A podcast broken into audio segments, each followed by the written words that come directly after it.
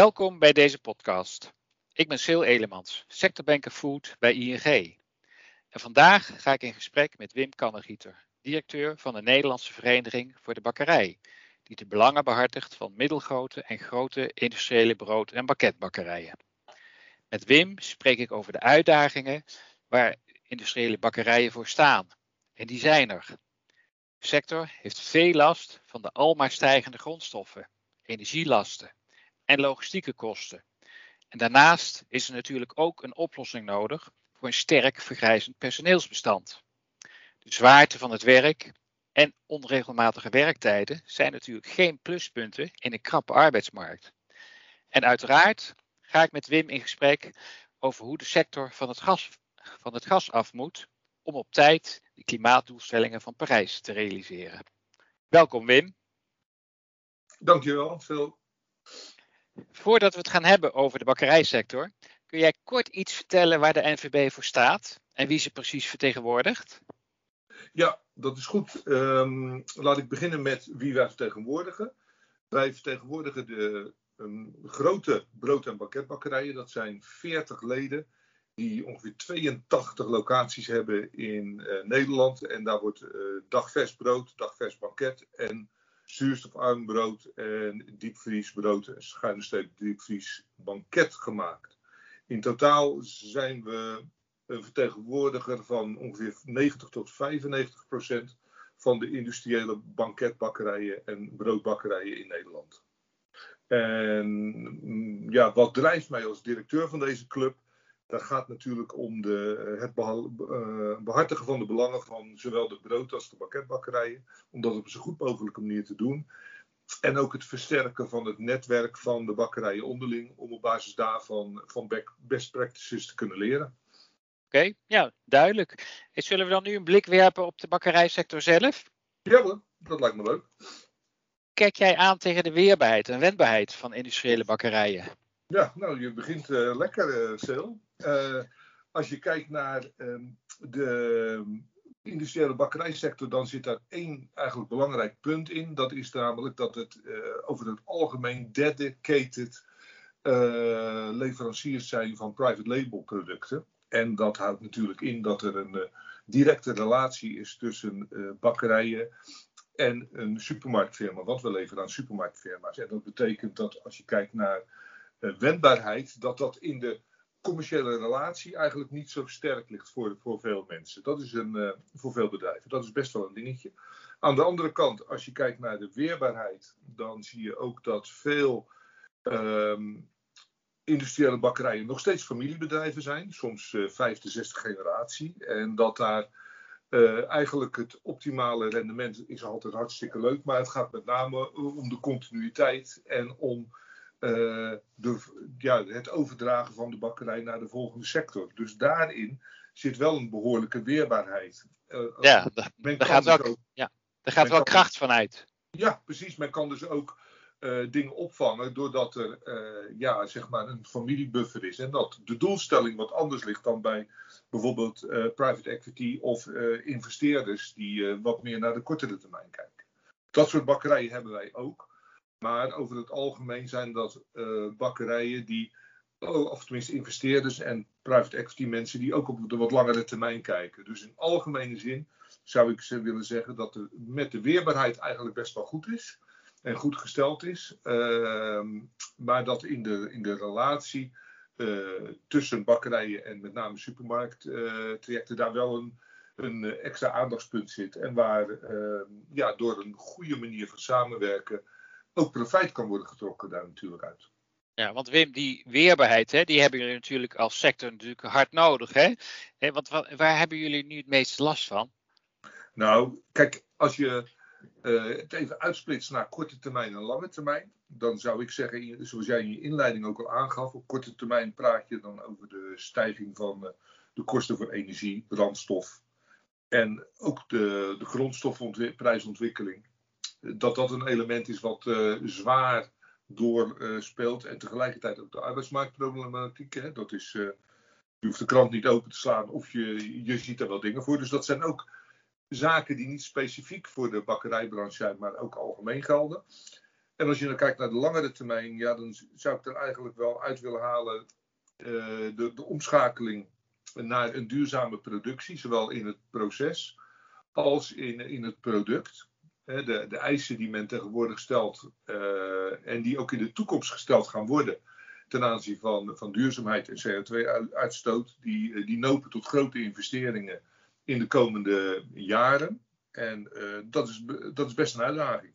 En tegelijkertijd, de algemene demografische ontwikkelingen spelen voor een, voor een sector natuurlijk ook een rol. Dat is niet alleen de vergrijzing, maar ook de ontwikkeling, als je kijkt naar de perceptie die mensen hebben, hoe hun kinderen later uh, een carrière moeten maken, hè, waarin toch uh, manual labor versus brain labor, om het maar even zo te noemen, um, wel, een, wel een dingetje is. Weet je? Ja, ehm, dus dan doe je een beetje op de imago-aspecten. Ja, van... de imago-aspecten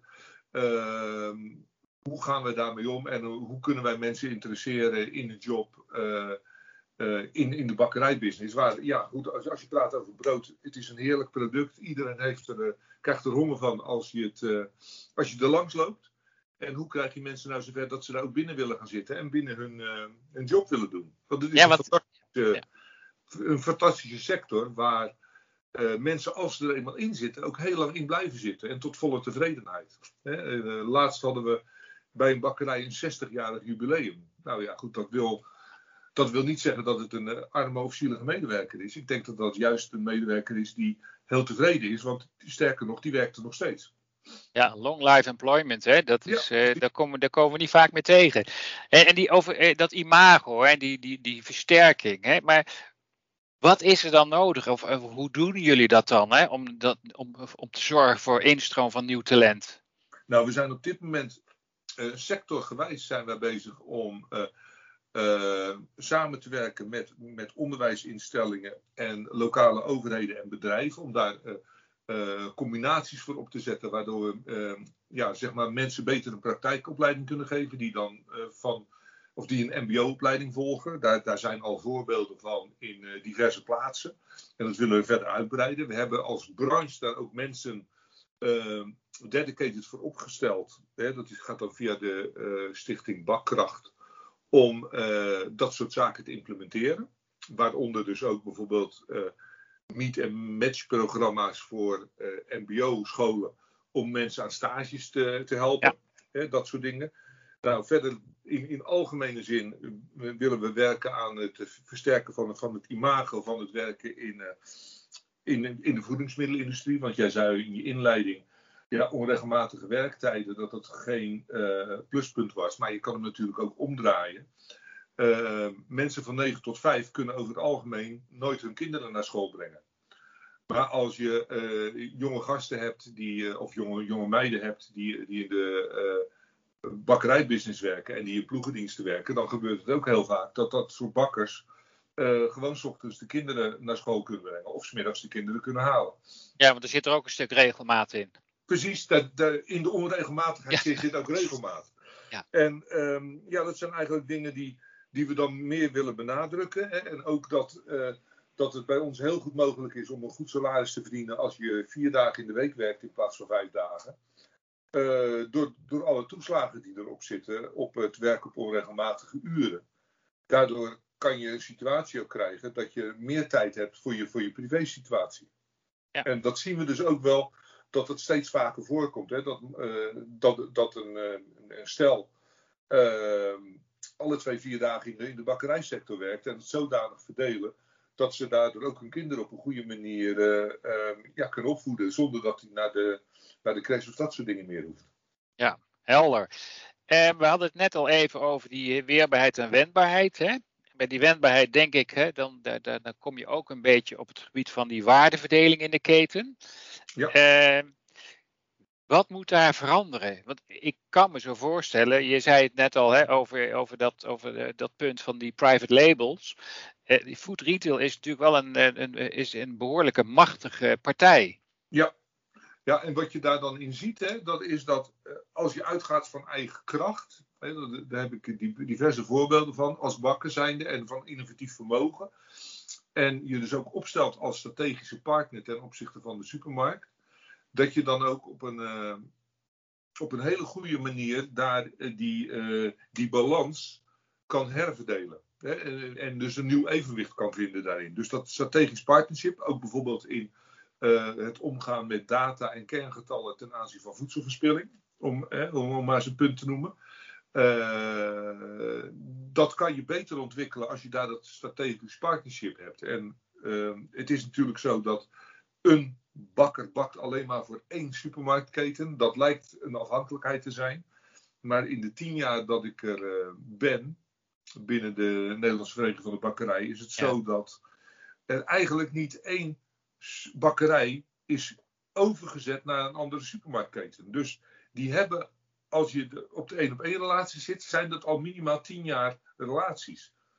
Dus ja, die afhankelijkheid is er, maar blijkbaar vinden beide partijen voelen zich goed bij die, bij die wederzijdse afhankelijkheid. En je zou het dus moeten brengen van een afhankelijkheid naar de wederzijdse afhankelijkheid. Ja, en dan eh, minder over prijzen en meer over eh, co-creatie, over en weer waarde toevoegen voor elkaar. Ja, klopt. En, en dat is dan met name het commerciële aspect. En als je kijkt naar het operationele aspect, hè, als je kijkt naar de, naar de, uh, de problematiek daar, dan, dan ligt de focus daar toch in het uh, nog meer uh, mechaniseren en nog meer automatiseren van de, van de werkprocessen. En daar ligt natuurlijk een, een ehm, ja, echt, echt een punt om dat beter te, nog beter te organiseren, waardoor je minder afhankelijk wordt van ja, van de kwetsbare elementen die je hebt. Hè, als je praat over arbeidsmarktproblematiek. Ja, maar en als je, dan, als je het dan hebt over uh, zeg maar partnerships. Hè? We, hebben, we zitten op het ogenblik in een, in exceptionele, uh, bijzondere omstandigheden. Hè? Zeg maar grondstoffen, uh, of je het nou over tarwe hebt, over de boten. Het zijn allemaal materialen die jullie gebruiken krijg je dan ook een beetje een luisterend oor hè, van, van, van, van, van, van de afnemers. Van je, goh, we snappen het. Dus eh, weet je, misschien moeten we toch een andere afspraak maken. Ja, dat is een, dat is een lastige. En dat, dat, je ziet ook in algemene zin dat dat van uh, combinatie tot combinatie, hè, bakker versus supermarkt, dat dat verschilt. Uh, daar, is altijd het, daar noem ik altijd het, uh, de vergelijking met de, met, met, de supermarkt en de, de benzineorganisaties. Als de, als de prijs uh, daalt, dan zit er een vertragend effect op bij de pomp. En als de ja. prijs stijgt, dan gaat hij altijd heel snel omhoog. Nou, dat, daar, daar zit ook een soort gelijkmechanisme bij, uh, bij de supermarkten. Je, je ziet nu dat de eerste prijzen op een wat hoger niveau komen te liggen. Maar nog niet elke supermarkt rekent dat volledig door op dit moment. En er zullen dus nog best wel een aantal gesprekken gevoerd moeten worden. Ja, helder. Uh, ik zie wel e-, e-, één pluspunt, zie ik. En dat is uh, dat ik de, de, nou, de laatste twee jaar zie ik echt wel dat brood een beter gezondheidsimago krijgt. Ja. Hoe zie jij dat en gaat dat door? Ja, dat, dat, uh, dat, daar ben ik het helemaal mee eens, Seel. Um, als je kijkt wat wij als broodsector de laatste jaren hebben gedaan, is daar ook veel aandacht aan gegeven via de EU-broodpromotiecampagnes. We hebben dus een campagne gehad die van, uh, moet ik het even goed zeggen, 2018 tot 2020 liep. En we hebben nu, recentelijk zijn we weer een campagne gestart van 2022 en 2023, waarin we als sector in een campagne investeren samen met onze Belgische collega's. Het is dus een brede, breed gedragen traject en waarbij de, EU dan ook een stukje daarin financiert. Dat is met name gericht op het uh, traject van ja, brood is lekker en brood is gezond en een brood heeft een toegevoegde waarde. En uh, ja, dat proberen we op die manier uh, neer te zetten. En ook daarin hebben we natuurlijk ook nog het sentiment mee als je praat over de eiwittransitie, waarin het uh, de langere termijn doelstelling is om mensen meer uh, plantaardige uh, eiwitten en mineralen tot zich te laten nemen. Ja. Uh, ten koste van ehm, ja, dierlijke eiwitten en mineralen. Nou, wij zijn als broodsector de, het, het, derde product op de, op de lijst van um, ja, contribuanten aan de opname van, uh, van, van eiwitten en mineralen en vitamines voor de consument. Dus uh, ja, daar hebben we een belangrijke taak en functie te vervullen. Dus ja, ik zie nou, dat, ja, dat uh, zeker positief in voor de toekomst. Ja, dat is een positieve broodontwikkeling. Aan de andere kant heeft, het banket is natuurlijk wat lastiger. Hè? De, over, de overheid, hè? kijk naar het recente regeerakkoord, overweegt zelfs een invoering van de suikertax. Hè? Ja. Of het nou, kan, hè? en of het past. Hè? Dat is even wat anders. Maar wat vind je daarvan? Zie je andere oplossingen? Ja, het probleem is natuurlijk dat het banket zo verschrikkelijk lekker is. Hè? Ja. En, uh, en, en, en dat, dat willen we ook echt zo houden. Dus uh, wat, waar, wat daar de problematiek is, dat als je suiker op een andere manier gaat vervangen, dat je dan een bepaalde afbreuk doet aan smaak. En wij willen met name dus kijken naar het verlagen van uh, portiegroottes, om op basis daarvan ja, zeg maar die, die inname uh, wat te verminderen. Maar aan de andere kant is het allerbelangrijkste natuurlijk om te kijken naar de, de voorlichting daarin. En, en mensen uh, bewust maken van ja, wat de voor- en nadelen zijn van gebakconsumptie. en ook een actieve levenshouding propageren. Dat moet in, in, een goede balans komen. En als je niet actief bent in werk of vrije tijd en dat soort zaken meer, dan, ja, dan moet je daar extra op letten. En tegelijkertijd zijn we ook al bezig om in dat segment te kijken naar hoe kunnen we dat uh, bepaalde onderdelen daarin verminderen. Hè. We hebben bijvoorbeeld een, uh, een interne brancheafspraak gemaakt over hartige broodjes. Hè. Dus dan denk je aan broodjes en, en dat soort dingen meer. in het kader van het akkoord productverbetering. Dus we zijn daar druk mee bezig. Maar de basis blijft dat ja, het banket moet, moet verantwoord genieten worden, om het zo maar te zeggen. Ja, dat is, dat is een mooie. En, en, en, en zo'n suikertax, gaat dat werken? Of, nou, echt ook via de FNLI hebben we daar uh, natuurlijk uitgebreide discussies over en kijken we ook naar andere landen. En we zien heel vaak dat dat uh, een hele lastige is, suikertax, en dat dat ook maar een kortstondig effect heeft. En tegelijkertijd uh, moet je er ook goed rekening mee houden hoe je je level playing field gaat organiseren als je in Nederland suikertax hebt en in Duitsland of in België niet. dat zijn natuurlijk best wel dingen die, uh, die lastig zijn om, uh, om te operationaliseren. Even los van de interne automatiseringsproblematiek bij de Belastingdienst natuurlijk.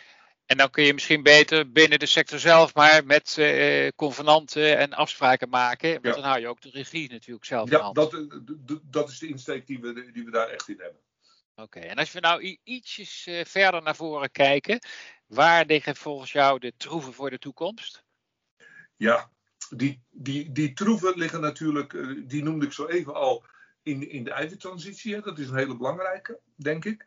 Um, die is nog niet zo heel erg bekend, denk ik, bij het grote publiek. Maar als de, uh, de balans van, uh, van het nuttigen van dierlijke eiwitten over moet gaan naar plantaardige eiwitten, dan is uh, brood daar de, ja, de, de aangewezen sector voor om, om, dat, om die stijging van plantaardige eiwitten voor haar rekening te nemen. Um, dus dat is een belangrijke. Dan de tweede wat, wat speelt voor wat ons betreft is uh, ook het aangeven dat brood een, echt een duurzaam, uh, naast een lekker product ook een duurzaam product is. Als je kijkt naar de CO2-uitstoot van de productie en, en de, de verbouw van granen en de productie van brood, dan zijn wij by far de laagste CO2-uitstoter uh, van alle voedingssectoren daarin.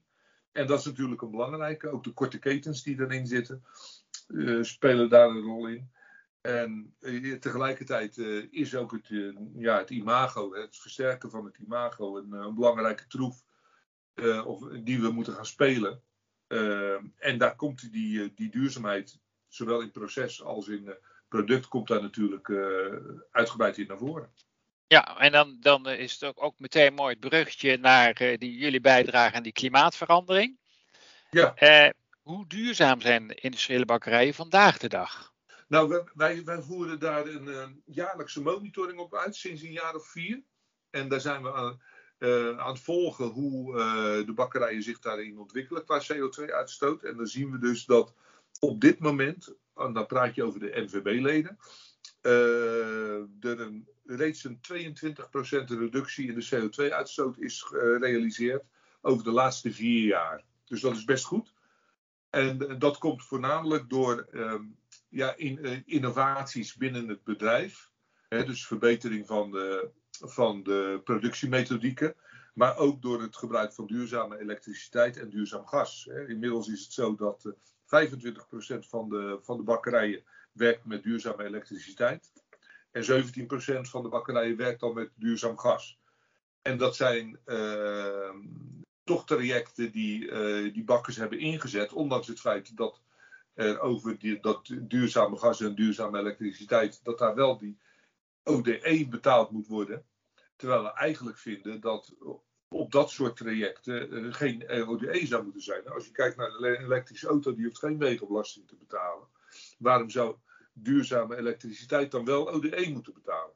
Ja, ja maar dat, dat is, en dat pakt voor, voor, voor jullie sector hè, ook eh, extra nadelig uit. Hè? Ja, klopt. Wij, wij zijn op zich een groot gebruiker van gas. Uh, niet de allergrootste natuurlijk, hè, maar uh, binnen de voedingsmiddelenindustrie hebben we toch een, uh, een behoorlijk percentage van de, van de gasconsumptie, om het zo maar even te noemen. Ja. en, en wij zijn daar samen met de andere branches ook, ook echt mee bezig om te kijken hoe we die ODE op een andere manier kunnen inzetten. En ook de beschikbaarheid kunnen krijgen over de toegang tot de subsidies voor verdere innovaties, die nu alleen maar voor de echt grote bedrijven zijn. En niet voor de MKB-bedrijven zoals wij die uh, ja, nee, kunnen nee. Hey, en uiteindelijk moet je natuurlijk van het gas af, hè? Ja. En het, het, dat, dat, dan is elektrificatie volgens mij niet de, de eindoplossing, maar dan moet je zelfs die stap naar waterstof zetten. Ja, dat klopt. Welke mogelijkheden? Zijn daar voldoende mogelijkheden voor? naar jullie verwachting? Daar zijn, uh, productietechnisch zijn daar, uh, zijn al mogelijkheden voor. Uh, als, je, als je nu kijkt, zijn in diverse landen waar, waar veel witte elektriciteit is, zijn al industriële ovens die volledig op groene elektriciteit draaien. dus die mogelijkheden zijn er al. Technisch kan dat. Ehm, er zijn ook al de eerste ondernemingen in bakkerij, broodbakkerijmachines die op waterstof draaien. Wat, wat het grote probleem wordt natuurlijk, is het afstemmen en het synchroniseren van dat soort trajecten tussen de infrastructuur die er ligt en de bakkerijen die, en de andere uh, voedingsmiddelenbedrijven die daaraan zitten. Hè. Als ik als voorbeeld neem, vlak bij mijn woonplaats uh, Geldermal, of in mijn woonplaats Geldermalsen zit een grote bakkerij.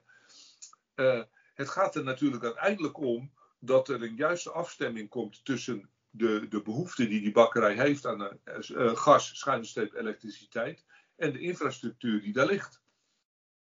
Ja. Want je kan wel heel, heel eigenzinnig zelf zeggen van joh, we gaan volgend jaar over. Maar als uh, de elektriciteit nog onvoldoende is die aangeleverd kan worden, kan je een heleboel doen. Maar ben je toch afhankelijk van de, van de, ja, de, infra, de, de netwerkbeheerder en de infrastructuur die daar ligt. Ja, en uiteindelijk moet het natuurlijk onderaan de streep ook nog een plus opleveren. Dat lijkt me ook uh, wel een mooie doelstelling. Ja, ja. Ja hè, want uh, dat, dat, zijn natuurlijk pittige investeringen. En die zullen in de, in de, in verloop, na verloop van tijd zal dat natuurlijk ook wat uh, omlaag gaan. maar uiteindelijk zal misschien ook de, de afnemer en de consument meer moeten gaan betalen. Gaan, gaan we dat doen? Ja, dat, dat, dat is de vraag, maar ik, ik sluit dat niet uit dat klopt. Je moet, er moet uiteindelijk wel, wel een business case onder liggen. Ja. Ja. Hey, als je nou als je het met die verduurzaming en stappen, ik hoor al hele mooie voorbeelden dat ondernemers nu al bezig eh, zijn. Wat, wat, wat is jouw oproep nu aan de, aan, aan de sector? Ja, wat mijn oproep aan de sector is, uh, wat ik noem natuurlijk de, de, de voorlopers daarin en mijn oproep aan de sector in de breedte is van joh, let nou op die ontwikkeling richting duurzaamheid. Zowel procesmatig als producttechnisch. Um, want het is niet langer een, een, een, onderscheidende factor. Het wordt een license to operate. Dat gaat, uh, dat gaat een ander perspectief krijgen. Je kan nu nog mooie sier maken met duurzaamheid. Uh, het moet natuurlijk wel echt zijn. Het moet niet uh, greenwashing zijn en dat soort dingen meer. Het moet echt in de, in de vezel zitten van het productieproces. Maar uiteindelijk gaat het een kwestie worden van do or die, om het zo maar te noemen. Ik, ik, ik, zeg het wat dramatisch. Maar het wordt een license to operate daarin. Ja. Dus, en is, is dat besef voldoende geland, denk je? Ja, ik denk dat dat, eh, dat, dat besef in, in, in de sector inmiddels wel, wel is doorgedrongen. En uh, natuurlijk moeten mensen daarin schakelen. En natuurlijk zie je ook dat bijvoorbeeld met name bakkerijen die aan horeca groothandels leveren, die natuurlijk twee waanzinnig zware jaren hebben gehad. dat, absoluut. Dat, dat, daar een hiccup in is gekomen. er zijn behoorlijk wat bakkerijen die een investeringsreservepotje hebben zien, schrim, uh, ja, zien krimpen. Doordat, de, uh, ja, doordat alle steunmaatregelen net niet voldoende waren om het te doen. Dus dan moest dat bijgespijkerd worden. Dus daar zit een vertragende factor op. Maar in essentie denk ik wel dat men inmiddels het besef heeft dat, dat dit geen um, ja, zeg maar marketingtruc is of een, een element is om zich te onderscheiden, maar dat het een noodzakelijke voorwaarde wordt. Ja, om continuïteit te genereren. Ja, duidelijk. Wim, jij werkt natuurlijk, je hebt natuurlijk zelf ook een jaarplan uh, voor dit jaar gemaakt. En uh, als ik jou nou aan het eind van dit jaar zou spreken, hè, wat zou jou dan een trotse directeur maken? Och, wat, wat mij een trotse directeur zou maken, eh, dat is dat uh, als het imago van de, van de bakkerijsector en brood als een, als een heerlijk product en een gezond product, dat dat nog verder uh, zich in positieve zin ontwikkeld heeft. En daar uh, gaat die EU-campagne eh, e gaat daar een belangrijke rol in spelen. Um, verder hoop ik ook dat de, de, trajecten die we nu aan het uitzetten zijn met betrekking tot de arbeidsmarktproblematiek, en ik noemde even dat meet and match en die samenwerkingsverbanden, als die verder vorm krijgen en, uh, en succesvol blijken te zijn, en die eerste signalen zijn daar zeer positief over, dan, uh, dan ben ik ook een heel gelukkig mens. En tenslotte hoop ik ook dat bakkerijen die dat duurzaamheidstraject verder doorzetten. En dat ze zich niet door de kortstondige uh, corona-tegenwind laten verleiden door het terugvallen in, in een oude productiemethodieken. Nou, dat kijk, kan wel tevreden zijn. Dat zijn dus heel veel mogelijkheden om jou eind van dit jaar een trotse directeur te laten ja, of, of, om mij nog eventjes te bevragen aan het eind van het jaar van hoe staat het ermee? ja. Ja, goed. Daarmee zijn we aan het eind gekomen van deze podcast. Wim, mag ik je hartelijk bedanken voor dit gesprek. Dankjewel, graag gedaan. En jij ook bedankt voor het luisteren. Voor andere podcasts verwijs ik je naar de site van ing.nl.